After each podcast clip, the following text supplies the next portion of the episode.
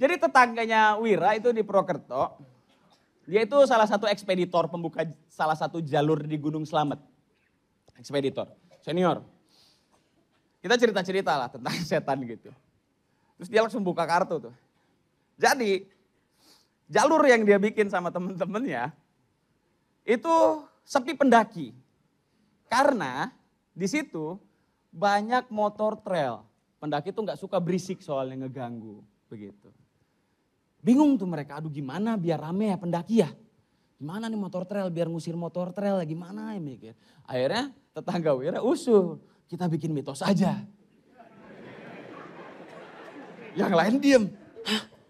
Kenapa sebelumnya tidak terpikirkan olehku? Akhirnya mitos apa, mitos apa? Wah mereka diskusi lah. Wah, siapa ya, siapa ya karakternya ya? Akhirnya asal sebut lah. Sri Kanjeng Ayu Dewata. Begitu. Asal sebut aja dan dibikin mitosnya kemudian diceritakan. Katanya si Sri Anjeng uh, Ayu Dewata ini dia tidak suka dengan suara-suara berisik. Nanti kamu akan masuk alam gaib kalau berisik. Ketika setelah disebarkan, ternyata berhasil. Gak ada lagi motor trail ke situ. Gak ada. Tapi ternyata mitos yang disebarkan terlalu berhasil. Bukan cuma motor trail, Pendaki juga nggak ada yang ke situ. Penasaran sama versi lengkapnya? Tonton dan dengarkan versi fullnya hanya di comika.id.